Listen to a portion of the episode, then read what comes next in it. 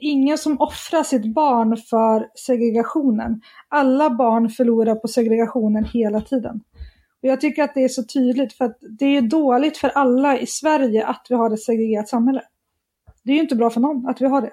Men sen, jag förstår ju ett, ett föräldraperspektiv. Det, det som ofta marknadsskolans förespråkare tar fram, det är just att, att vi då som kritiserar, eller som vill reglera systemet, de säger ofta att vi vill använda barnen i integrationsprojekt, men det handlar ju inte om det. Det är klart att ingen kommer liksom sitta och åka ut till Hammarkullen från stan för att ha sitt barn där. Det är inte det det handlar om. Utan det handlar om likvärdiga förutsättningar mellan huvudmännen. Efter ett långt uppehåll är det äntligen dags för ett nytt avsnitt och idag pratar jag med Linnea Lindqvist. Linnea är i grunden lärare i samhälle, religion och filosofi men hon har sedan flera år tillbaka arbetat som skolledare. Idag är hon aktuell med boken En tickande bomb som pratar om dagens skolsystem med ett perspektiv inifrån skolans värld. Dagens avsnitt spelades in på distans och kommer därför inte vara tillgängligt i videoformat utan endast i ljud. Du lyssnar på podden Pedagogik och ledarskap och mitt namn är Hedi Mubaras.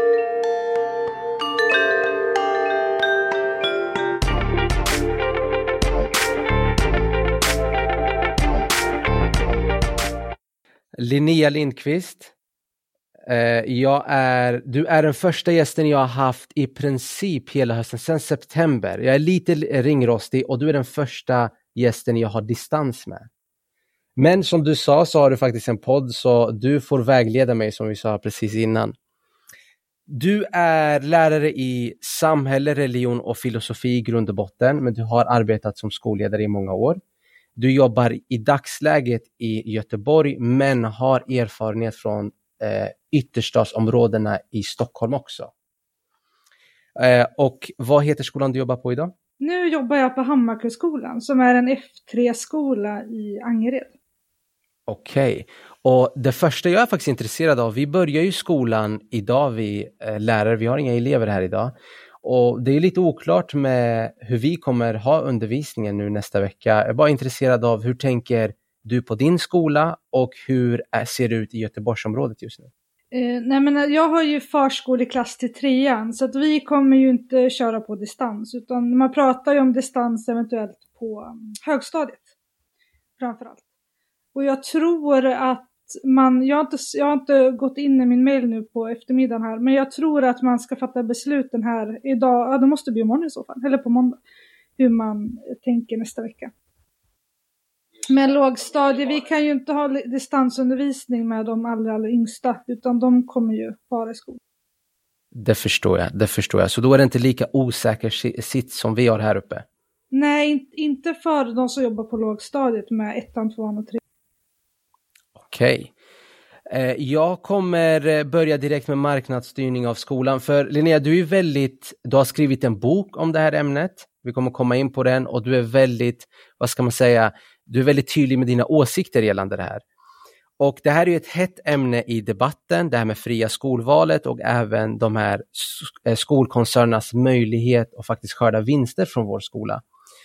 Eh, och din bok heter En tickande bomb. Vi kommer länka till den i det här avsnittet. Jag vill bara börja med en generell fråga till dig som jag undrar. Hur ställer du dig till det fria skolvalet? Nej, men jag, jag har länge varit väldigt kritisk till det fria skolvalet utifrån hur det är utformat idag. Med det regelverk vi har just nu. Men sen när Björn Åstrand kom med sin utredning i våras, i april 2020, så har jag omvärderat min syn på eh, det fria skolvalet. Och om man har ett, ett, skolval utifrån, alltså så att det blir ett samordnat skolval, som Björn Åstrand lägger förslag om, då är jag för ett fritt skolval. Då, tänk, för då får vi ju bukt med en stor del av de segregerande effekterna som skolvalet har idag. Jag är absolut inte emot valfrihet eller att föräldrar inte ska få välja skolan. Men jag är kritisk till det sätt som det är organiserat idag därför att vi vet ju att det skapar segregation och det, eh, det tycker inte jag är okej. Okej, okay, så du börjar med en mening. Jag är, för den här meningen har jag hört jätteofta. Jag är eh, emot hur det är utformat idag. Du nämner en rapport, jag har inte läst den här. Skulle du kunna bara sammanfatta för oss, vad innebär den här nya modellen? Vad hette personen som hade skrivit Björn Åstrand har ju varit utredare då i utredningen om en mer likvärdig skola. Eh, för minskad skolsegregation och bättre resurstilldelning. Och den eh, lanserade han i slutet på april, om jag inte minns fel, i förra året, då, 2020. Och ett av de förslagen som han lägger fram är ju att reformera skolvalet. Och det han säger är ju att, att föräldrarnas önskemål om skolplacering ska vara vägledande vid alla skolplaceringar. Och att, eh, att man ska ha ett samordnat skolval. För att idag så gör ju alla kommuner, har ju organiserat skolvalet på olika sätt. Och de fristående huvudmännen också organiseras ju på olika sätt då. Och det, det menar han på att det blir ju inte likvärdigt när alla gör olika.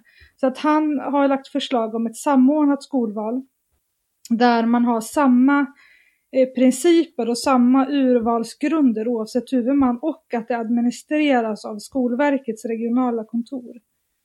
Och eftersom att han också har ett, ett förslag om ett sektorsbidrag istället för ett hundratal statsbidrag så flyttar man administrativa resurser från administrationen idag för statsbidrag till skolvalet då.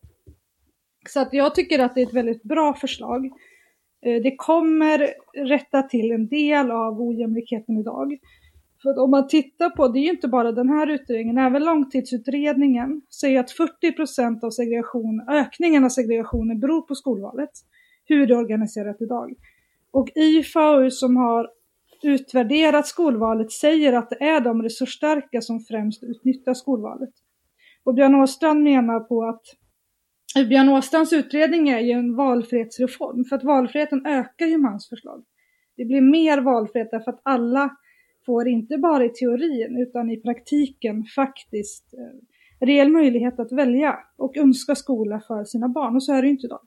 Så att jag tycker att det är väldigt, väldigt bra förslag och sen den utredningen kom så har jag ändrat, eh, ändrat min syn på det fria skolvalet och jag tycker att det är bra, jag tycker vi ska ha det, men vi måste få bort de segregerande effekterna som vi ser idag. Okej, okay, så då vill jag bara se om jag har tolkat det rätt. Då menar du i princip att man utgår från att alla föräldrar kommer att göra ett aktivt val. Stämmer det? Ja, med hans förslag så kommer ju alla föräldrar eh, önska skolval vid samma tidpunkt, inom samma tidsperiod. Och så är det ju inte idag. Idag har ju till exempel friskolor har ju kö, vilket gör att du kan ställa dig i kö kanske när barnet är två år eller tre år eller ett år. Eh, det gör ju att nyinflyttade i en kommun eller de som inte har kunskap om systemet har ju inte samma chans. För att de har kön är full, eller så här, de kommer ju långt bak i kön. Vilket gör att alla får ju inte samma möjlighet att önska skola. Eller önska kan man göra, men man får inte samma möjlighet att komma in på en skola. Och då menar Björn Åstrand att om vi ställer ett samordnat skolval, att alla gör sina önskemål samtidigt enligt samma premisser, då ökar ju valfriheten, därför då får ju alla omfattas ju då av skolan. Jag förstår exakt. Man inte gör men, mm du har helt rätt i att möjligheten ökar. Men jag tycker en sak man missar då är ju att alla tar inte den här möjligheten oberoende om det finns möjlighet eller inte. Så hur kommer man buk, med buk? För vissa föräldrar tar ju bara den närmsta skolan. De bryr sig inte riktigt på, eh, på dess, inte, okej okay, det är fel ordval, de bryr sig men de har inte den kunskapen som du pratar om. Så hur kommer man till bukt med att de som inte gör ett aktivt val ska göra ett val? För även om de har möjligheten betyder inte att de kommer göra det. Nej, men alla, alla får ju samma möjligheter, som att det kommer inte finnas någon kö. Det kommer inte vara så att om du bestämmer att jag vill gå på en viss skola eh, så hamnar du på kanske köplats 950. Det kommer ju försvinna, utan alla kommer ju lämna önskemål enligt samma principer. Och sen är det så att vissa vill ju gå på den närmaste skolan och då ska de givetvis göra det. Några kommer såklart inte att önska, men vi ök det blir fortfarande samma möjligheter, vilket är en bra början. Sen kommer det inte lösa alla problem såklart. Men jag tänker att det är vettigt att ha ett samordnat skolval. Och när man tittar på remissvaren också till utredningen, jag har inte läst alla men jag har skummat igenom några, så finns det en del förslag som kommer vara förbättringar men där man vill behålla någon form av kö. Och det är tycker jag också är problematiskt därför att det skapar ju administrativt monster om, om, om man fortfarande ska ha massa undantagsregler och liksom olika huvudmän ska fortsätta göra på olika sätt. Jag tror att det är samordningen som är den största vinsten. Och att alla faktiskt lämnar önskemål samtidigt. Mm. Frågan blir ju, ja, jag, tror, jag tror det är som du säger i rätt riktning, men jag tror inte det kommer ge en så signifikant skillnad om jag ska vara helt ärlig. Eh, men jag tar, de, tar jättegärna del av den där utredningen vid ett senare, för det känns som man behöver grotta, grotta sig ner i den där Eh, ja, det är väldigt, alltså det är många förslag. Den här utredningen är på 800 sidor. Så det är ju det är okay. ett väldigt djupgående resonemang kring. Så att, menar, jag, jag drog bara några punkter. Så att jag tycker absolut att man ska läsa den. För det är, det är väldigt intressant. De skriver om skolpeng till exempel. Eh, sektorsbidrag och skolvalet. Det tycker jag är de mest liksom, akuta Eh, reformer att genomföra. För att, för att eh, styra upp skolmarknaden. Mm. För alltså jag har ju pratat med, jag pratade bland annat med Centerpartiet och då var det Fredrik Kristersson tror jag han hette. De är ju väldigt noga med den här valfrihetsbiten, det här att man ska få välja. Jag tänker själv i en värld jag hade fått bestämma, då hade det inte funnits någon valfrihet överhuvudtaget. För enligt min mening, segregation är något väldigt naturligt. Man drar sig till det man känner igen. Det, jag tycker inte det är något konstigt med att vissa elever inte vill eh, ha sina barn i förortsskolor eftersom de har inte så mycket kunskap om de här områdena. Det enda de har är nyhetsbevakning att utgå ifrån. Så vad jag försöker komma till är att jag tror inte det kommer bli någon signifikant skillnad med det här nya förslaget om att man ska tvinga. Däremot skulle det vara, tycker jag det är i rätt riktning att vi diskuterar det i alla fall.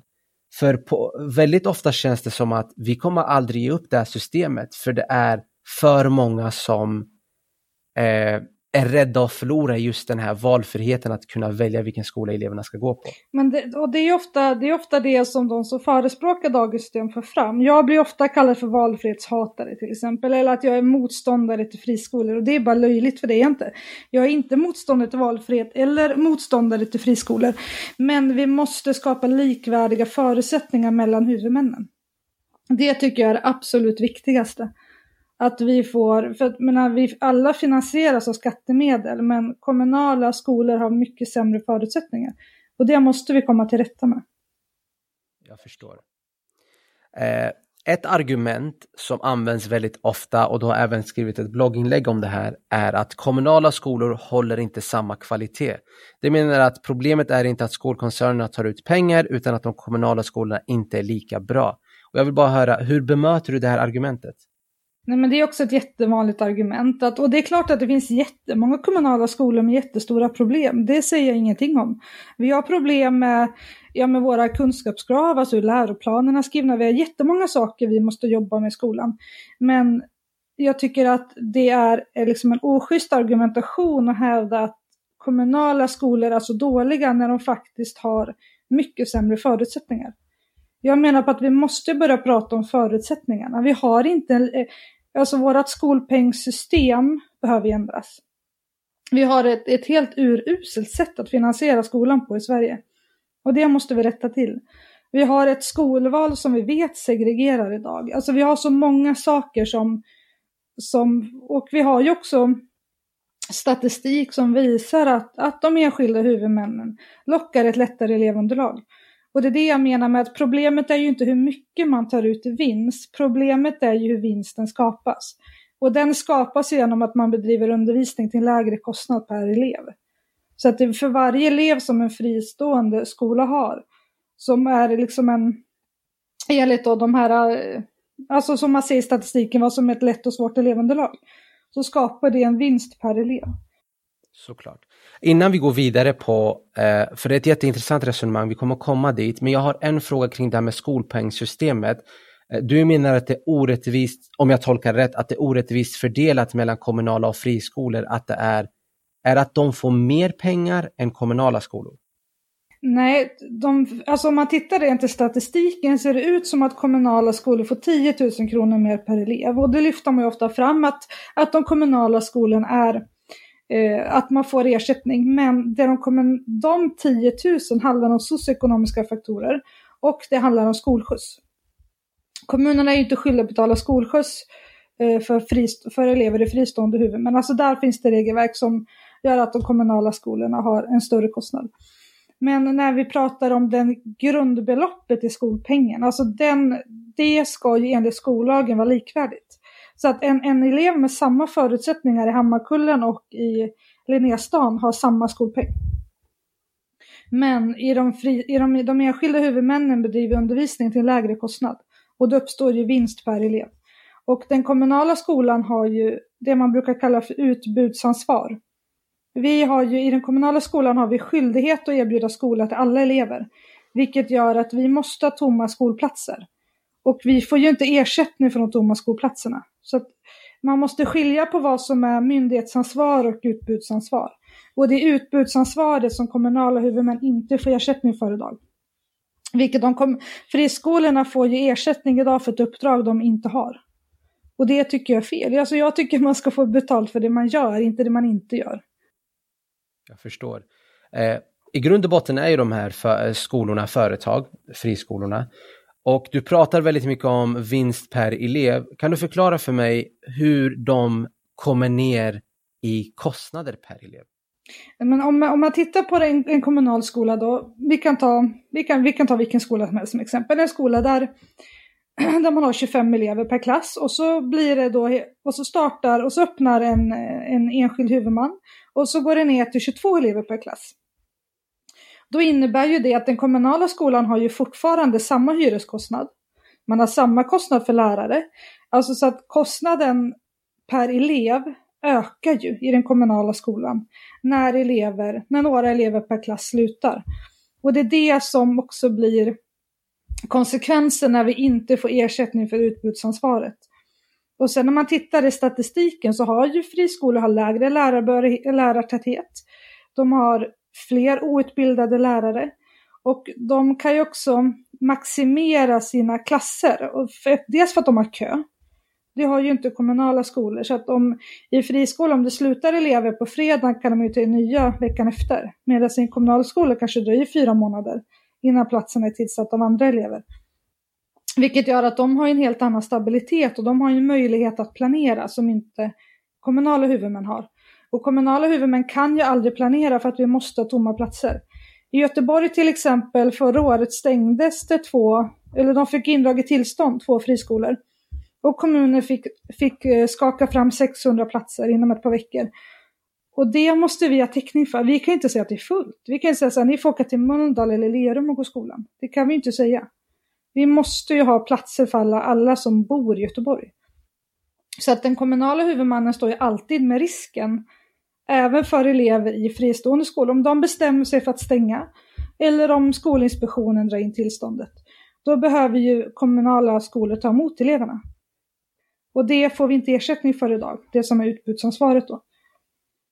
Mm. Och, därför, och det, gör att, det gör att vi har ju sämre förutsättningar att planera vår verksamhet långsiktigt.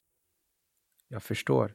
Men du säger en sak här, det är att de har kö till sina skolor, det har inte vi. Det är också ett argument som förekommer, men om de är så dåliga, det, det är hur många som står i kö som helst i de här friskolorna, men ingen står i kö till kommunala skolor, då måste det betyda att friskolorna är tio gånger bättre. Hur tänker du när du hör ett sånt argument? Kommunala skolor får inte ha kö.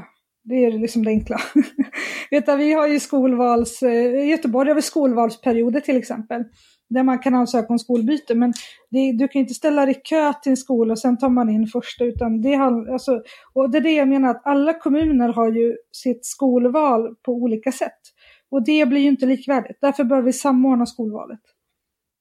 Det tror jag är jätteviktigt för att öka likvärdigheten. Behöver vi förstatliga skolan för att uppnå den här likvärdigheten? Alltså jag har tänkt ganska mycket. Nu är det en utredning, nu har det kommit ett direktiv. Man ska börja dra i de trådarna kring ett förstatligande. Men då får man ju tänka på vad men, menar man då att... För i min värld, om man ska förstatliga skolan, då innebär det alla skolor, kan jag tycka. Då ska vi ju inte ha, då kommer vi inte ha några friskolor, men det är inte det man ska titta på. Man ska ju bara titta på de kommunala huvudmännen. Vilket i min värld blir lite märkligt. Att man bara väljer en typ av skolor då som man vill förstatliga. Så att ja, vi får se vad den utredningen kommer fram till. Jag är skeptisk till ett förstatligande. Eh, därför att det handlar också om, det krockar med väldigt mycket annan lagstiftning som kommuner har att förhålla sig till. Det kommunala självstyret och så vidare. Så att det där är en jättesvår nöt att knäcka. Och jag tror inte att den här utredningen kommer med den, liksom den final solution på den frågan. Men man ska börja dra i trådarna i alla fall. Och jag tänker även finansieringsmässigt tror jag inte att det blir bättre. Men staten skär ju också ner i sina verksamheter. Så att det, är, det är en jättesvår fråga och det är eh, väldigt mycket man måste ta hänsyn till. Väldigt många olika lagrum som krockar kring det. Mm. Jag är faktiskt inte jätteinsatt i det förstatligande av skolan, men jag tänker rent spontant, det kanske blir svårt i och med att alla sådana här olika småskolor har så himla olika förutsättningar, speciellt i olika delar av Sverige. Jag kan tänka mig att förutsättningarna för någon eh, skola i Haparanda är väldigt annorlunda med Norsborg här i södra Stockholm. Ja, absolut, så är det och det är ju, men det, det är det som jag tycker också, innan friskolereformen så var ju tanken att man, man ville ha olika pedagogiska inriktningar, man ville ha alltså personalkooperativ, föräldrakooperativ och så vidare för att det skulle finnas en valfrihet att välja andra pedagogiska modeller. Men efter 97 när friskolorna fick 100-procentig skolpeng, alltså lika mycket som kommunala huvudmän, det var då, det var då som eh, koncernerna började expandera och efter det har det bara gått ut för. Så att jag, jag, jag har själv jobbat på friskola flera år, både som rektor och lärare. Det var, det var jätte, alltså det jättebra tid liksom, och jag har absolut ingenting emot att man bedriver, en, alltså att det finns enskilda huvudmän. Men vi måste titta på, vi måste stoppa koncernernas expansion, för det handlar ju inte om en pedagogisk tanke. De är ju stora eh, och vissa har ju varit börsnoterade, nu är både Engelska skolan och Academedia. Eh, men så att där måste vi verkligen titta på eh, hur, hur, vi kan stoppa deras expansion, för att det är inte, det är inte sunt att ha ett skolsystem där man, kan, där man kan ha företag på det sättet som bedriver verksamhet och säljs till höger och vänster och så där. Det är inte rimligt tycker jag. Mm. Nej. Och det är en fråga jag skulle vilja ta upp. För nyligen så kom det upp det här med Jensens eh, grundskola med att de har en viss klädkod. Och där var ju, försökte inte han ens dölja att han vill ha en viss typ av elev. Men jag vill gå in på strategi. Okej, okay, jag är en friskola nu. Jag vill såklart skära ner kostnaden per elev. Vad använder de här friskolorna för strategier för att locka till sig just de eleverna de vill ha? Vi kan börja med, vilka är de här eleverna de vill åt? Nej men de vill ju, alltså om man ska, om man ska generalisera då, nu säger jag inte alla enskilda huvudmän. Jag, tänker, jag pratar främst om skolkoncernerna som är, har ett väldigt uttalat krav på att leverera vinst till ägarna. Eh, jag tänker, dels om man tittar i Stockholm till exempel, i snittet i en kommunal skolklass är ju 25 elever. Medan snittet i en friskola är 29. De fyra eleverna blir ju ren vinst för friskolan per klass. Det är ett sätt, att man har större klasser. Och man kan ju ha större klasser om man har elever från akademiska hem som inte kräver lika mycket lärartid och vuxenstöd för att klara sina studier. Som har föräldrar som kan ge ett akademiskt stöd då kan man ju ha fler elever per lärare och det sänker ju kostnaden per elev. Så det är en strategi och när man tittar också i statistiken så ser man ju att, att det är ungefär dubbelt bland dem, om man tittar på de utrikesfödda eleverna så är det dubbelt så många i friskolor som har föräldrar med eftergymnasial utbildning än vad det är bland utrikesfödda i kommunala skolor. Så att de har ju avsevärt mycket bättre förutsättningar. Och på många friskolor är det fler flickor än pojkar. Det är också en sån faktor som påverkar resultaten. De har, mycket, de har väldigt låg andel nyanlända, eh, vilket också är en, eh, ett sätt att eh, sänka kostnaden. Okay. Så att de strategier, det handlar ju om elevunderlaget. Alltså de har fler elever från akademiska hem. De har fler elever per lärare.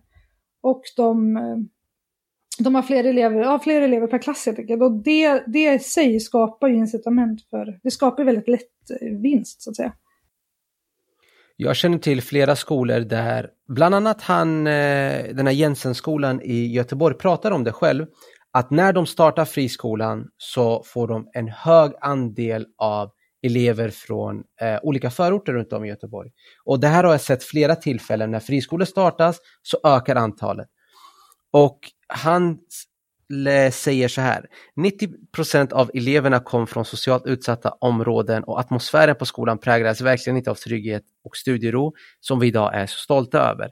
Du skrev en text om hur de här skolorna på ett eller annat sätt eh, pushar ut de här eleverna tillbaka till de här kommunala skolorna. Kan du prata om hur de går tillväga? Eh, nej men det handlar ju om, de har ju bytt ut sitt elevunderlag eh, på Jensen i Göteborg. Och det säger han ju själv. Alltså idag har de ju elever från, från akademiska hem. Så det är klart att då, då blir det lättare att bedriva undervisning. Det är klart att det blir det. Och det är samma sak om man tittar på, det var ju jättemycket media kring Engelska skolan i Järfälla som hade gjort en sån resa och vänt resultaten. De hade också bytt elevunderlag. De hade ju gått från elever från studiesvaga hem till elever med studiestarka, från studiestarka hem. Och det är klart att då klarar de ju skolan bättre. Vi vet långtidsutredningen som kom 2019, de har ju räknat på det där och sett att 50 procent av elevernas meritvärden går direkt att härröra till elevernas bakgrund.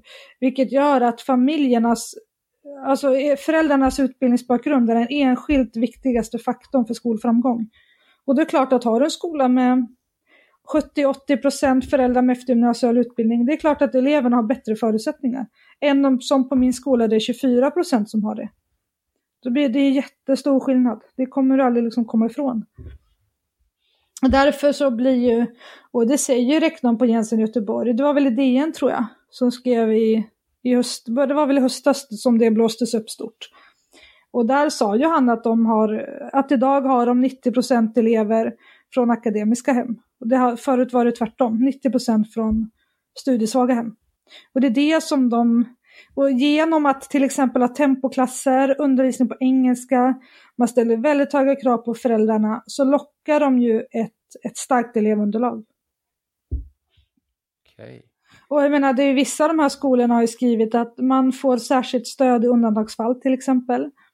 Och att man, alltså man, man, den retoriken man använder är, blir ju segregerande i sig. Just det. Och det är så, vi i den kommunala skolan, vi måste undervisa alla elever. Alltså, vi måste ta emot alla elever som behöver en plats. Vi måste undervisa alla elever. Våra lärare måste lösa situationen oavsett vilken klass de har. Vi kan ju inte gå ut till föräldrar och säga att ni får stöd, ni kanske får stöd. Eh, vi kan ju inte säga att nu kör vi tempoklasser och vi börjar undervisa på engelska nästa vecka. Det kan ju inte vi säga. Nej, vi måste ta emot alla elever och det är det som är skillnaden. Du pratar om statistik och resultat. Använder man inte en eh, justeringsvärde? Är det salsa, heter det så? Ja, salsa kan man ju titta på. Där tittar man ju på resultaten i relation till utbildningsbakgrund, bland annat hos föräldrarna. Men jämnas inte resultaten ut då? Jag tänker rent statistiskt, för nu tänk, eh, jag tolkar vad du säger är att de gör en stor vinning i att statistiken säger att du får, eh, det är höga betyg som gäller i den här skolan.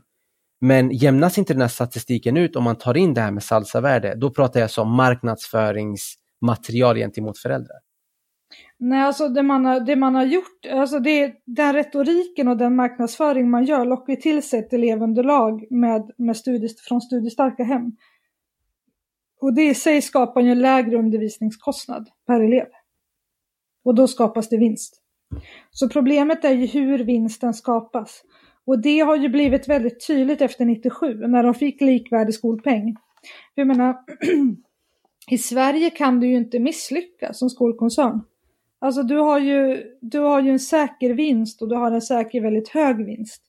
Du kan aldrig misslyckas för att du har ju elevpeng per elev. Så jag menar, stoppar in som man i Stockholm i snittet 29 elever per klass och de kommunala ett snitt på 25. De fyra eleverna blir ju, det blir ju ren vinst helt enkelt. Just det. Om vi går tillbaka till Jensens grundskola i Göteborg med just den här klädkoden. Jag, är eh, jag är intresserad av att höra hur du tänkte när du fick höra om att han specificerar just mjukisbyxor och den här axelremsväskan. Vad tänkte du när du hör att det, de vill inte kalla det förbud, de kallar det rekommendation, men i grund och botten handlar det ju om ja, ett visst förbud. Hur tänker du när du läser något sånt? Nej, men jag blir inte förvånad. Alltså absolut. När man tittar på deras liksom, hemsida, man tittar på reklamen som går ut till föräldrar. Så jag tänker det är deras sätt att locka till sig ett visst elevunderlag. Sen tycker jag att det är fruktansvärt, alltså jag tycker att det är det är väldigt sorgligt att man gör skillnad på barn på det sättet som de gör. Jag tycker det är fruktansvärt. Men det är inte konstigt, vi har ju skapat en skolmarknad. Vi har ju skapat en, en konkurrens om elever, en konkurrens mellan skolor och då blir det så här. Jag är inte alls förvånad. Jag tycker att det är helt logiskt. Det är en helt logisk följd av skolmarknaden. Såklart. Såklart. Uh, ja, en annan intressant fråga jag skulle vilja ställa är Många föräldrar vill ju att, uh, där finns ju olika utredningar, att man vill att ens barn ska gå med elever, oftast med liknande socioekonomiska förutsättningar. Och om man i framtiden skulle göra om i det här systemet, kanske det här systemet du förespråkar eller något annat, och risken blir att man då eh, mer beblandar de här olika samhällsklasserna. Och om en förälder uttrycker oro, hur skulle du möta en sån förälder? Som uttrycker just den oron. Jag tycker att Lars Björk på Twitter, han skrev så himla bra eh, nu, det var några dagar sedan bara, någon dag sedan. Han skrev det här att det är ingen som offrar sitt barn för segregationen. Alla barn förlorar på segregationen hela tiden. Och jag tycker att det är så tydligt för att det är dåligt för alla i Sverige att vi har ett segregerat samhälle. Det är ju inte bra för någon att vi har det. Men sen, jag förstår ju ett, ett föräldraperspektiv.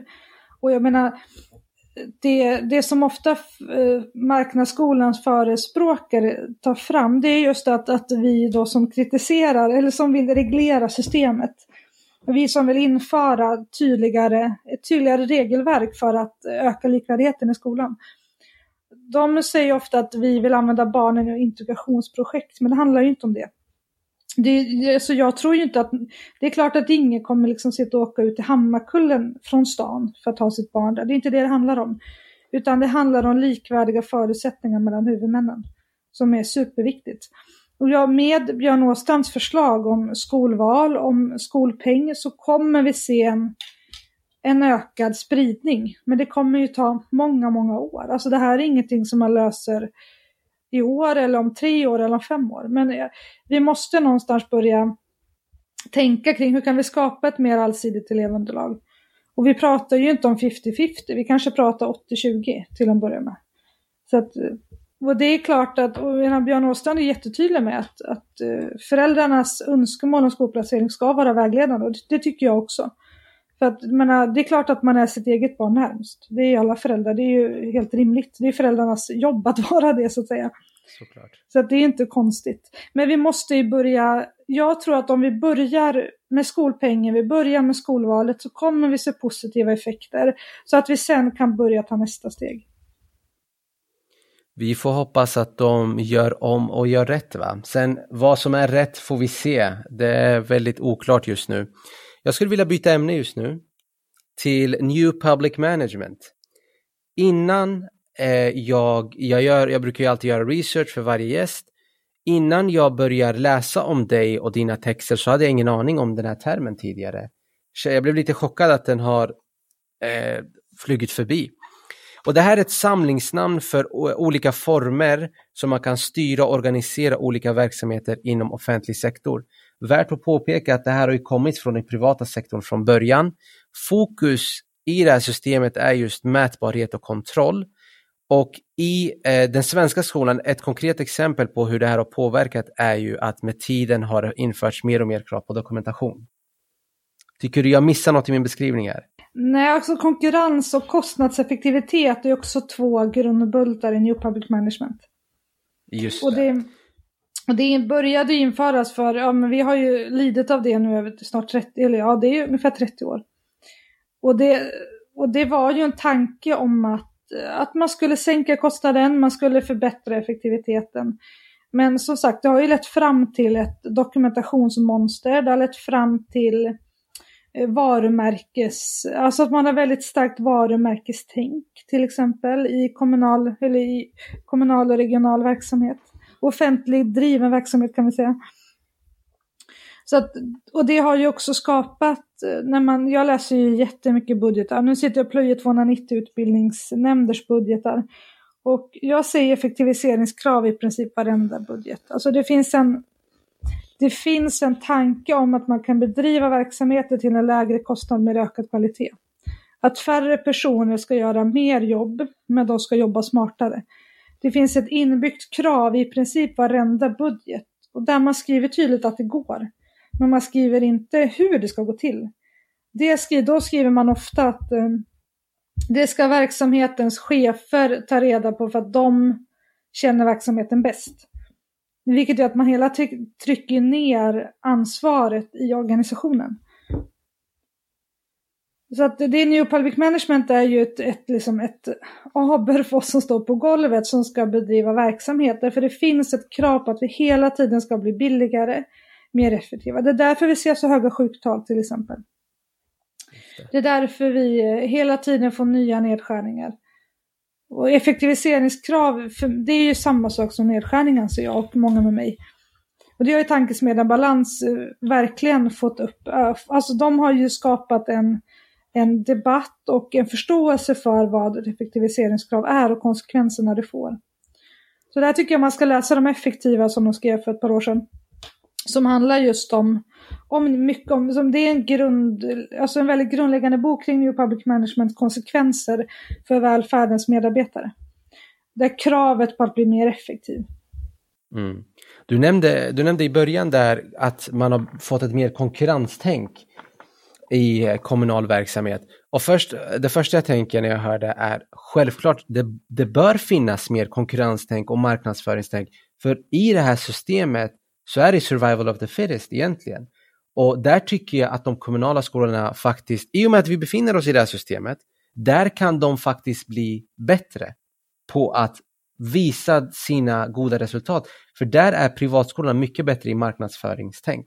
Sen håller jag med dig om att en skola ska inte hålla på med sådana här saker. Jag är helt med dig. Men i ett sånt här system så tycker jag man ska fokusera mer på marknadsföring. Det, det, kan man tycka, men jag tänker att det är inte det som står i skollagen. Det är inte det skolan ska pyssla med. Och då tänker jag så här, ska vi lägga massa resurser på, på människor på förvaltningarna som jobbar med, med arbetsgivarvarumärke till exempel. Eller på, alltså som sitter i kommuner och regioner. Det, eller ska vi faktiskt se till att vi får så mycket resurser som möjligt på golvet? Alltså jag tänker att ska du utveckla en skola så behöver du satsa i klassrummet, inte i konferensrummet. Det är inte där du skapar kvalitet.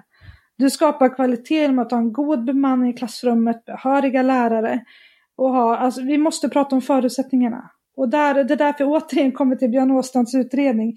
Vi måste ha ett annat system för skolpeng, för finansiering av skolan.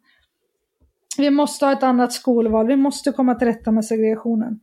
Och där är ju också New Public Management är ju en del av det. För att friskolornas expansion skapar nedskärningar i kommunal verksamhet. Det står rakt ut i nästan varenda budget. Jag, läst, jag läser så mycket budgetar som där det står rakt ut att nedskärningarna beror på ett, ett minskat elevunderlag för att man har gått till friskolor. Och då kan man ju tänka, som många säger, ja men då får man anpassa sin verksamhet och ställa om. Men kommunen är ju skyldig att ha skolor i alla delar av kommunen. För att ingen elev ska för långt till sin skola. Man kan ju ta en skola i en stad och sen får alla åka dit. För att då blir det för långt för väldigt många. Och man ska kunna ha en skola i närheten, speciellt för de små barnen. Jag menar, går du förskoleklass, ettan, tvåan, trean. Du ska inte behöva resa långt, du ska ha en skola i närheten. Så därför så, och eh, det går ju inte att ställa om när det är till exempel, säg att en skola tappar 15 elever, det kan inte ställa om för det. Men den tappar finansieringen för kanske två lärare. Så att där, vi måste ju verkligen fundera på vad, när vi hör de här grejerna så måste vi fundera på vad det betyder. Okej. Okay. När jag läser om New Public Management så börjar jag tänka mycket på tillit och att det i princip inte finns någon tillit i professionen längre på grund av de här dokument, alltså dokument, dokumentationskraven. Att vi hela tiden måste bevisa vad vi gör och varför vi gör det. Varför har den här tilliten dalat så mycket för oss lärare? Nej, men det handlar ju om att man vill vara mer kostnadseffektiv. Och då behöver man kontrollera mer och, och det är också så att nu när varje kommun i princip, inte riktigt alla, men de flesta kommuner skär ju ner i skolan. Resurserna minskar varje år.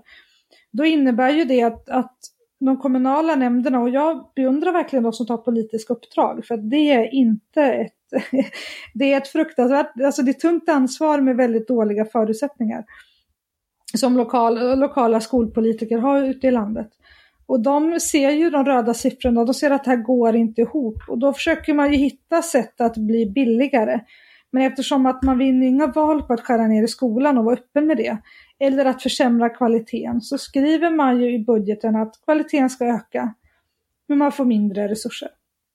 Jag läste en budget igår där, där man hade nedskärningskrav på 29,5 miljoner under tre år och utöver det ska man fördela ut 100 miljoner till effektiviseringskrav så man inte har bestämt än vart det ska läggas.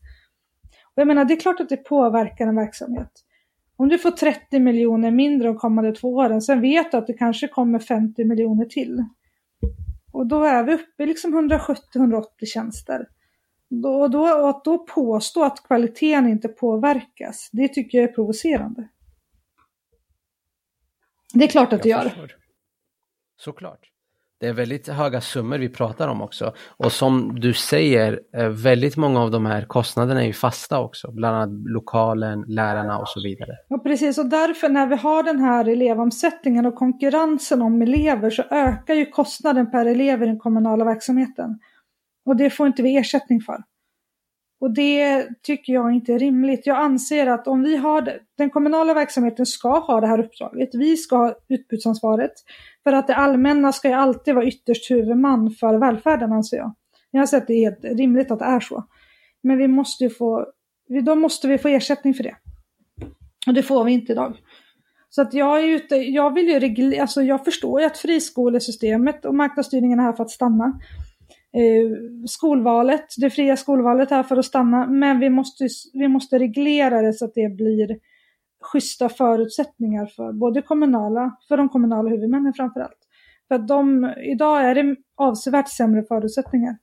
Jag förstår.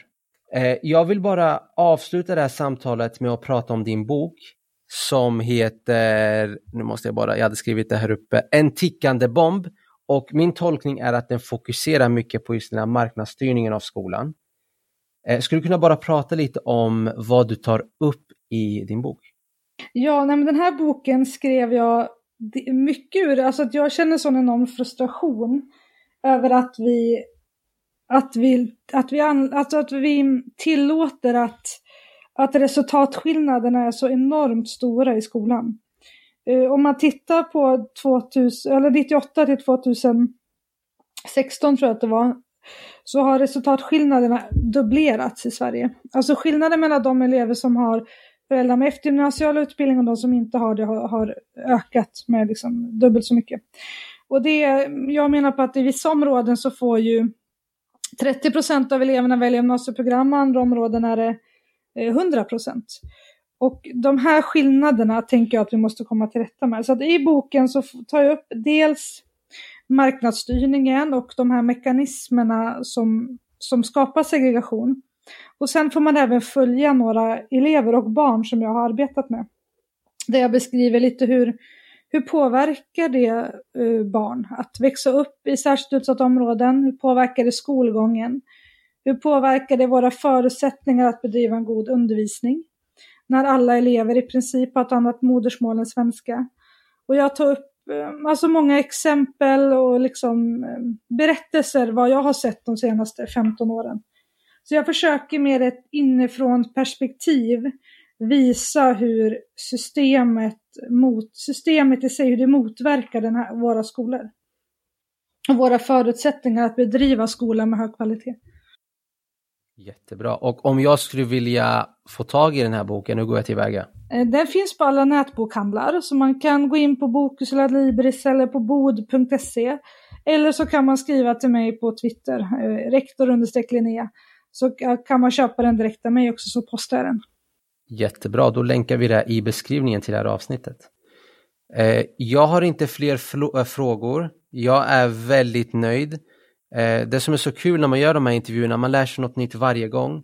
Eh, om du inte har någonting mer du vill lägga till så vill jag bara tacka för att du ville vara med i dagens samtal. Och vara första på distans också. Ja, det var ärofyllt. Och så får jag önska dig stort lycka till med skolstarten ja, också. Tack så mycket. Jag vill tacka dig som har lyssnat, delat våra inlägg eller supportat podden på ett eller annat sätt. Jag vill även rikta ett stort tack till Linnea som tog sig tid för att ha ett samtal med mig idag. Glöm inte att titta till min Facebook och Youtube-sida Pedagogik och ledarskap. Där kommer många avsnitt i framtiden att delas i videoformat.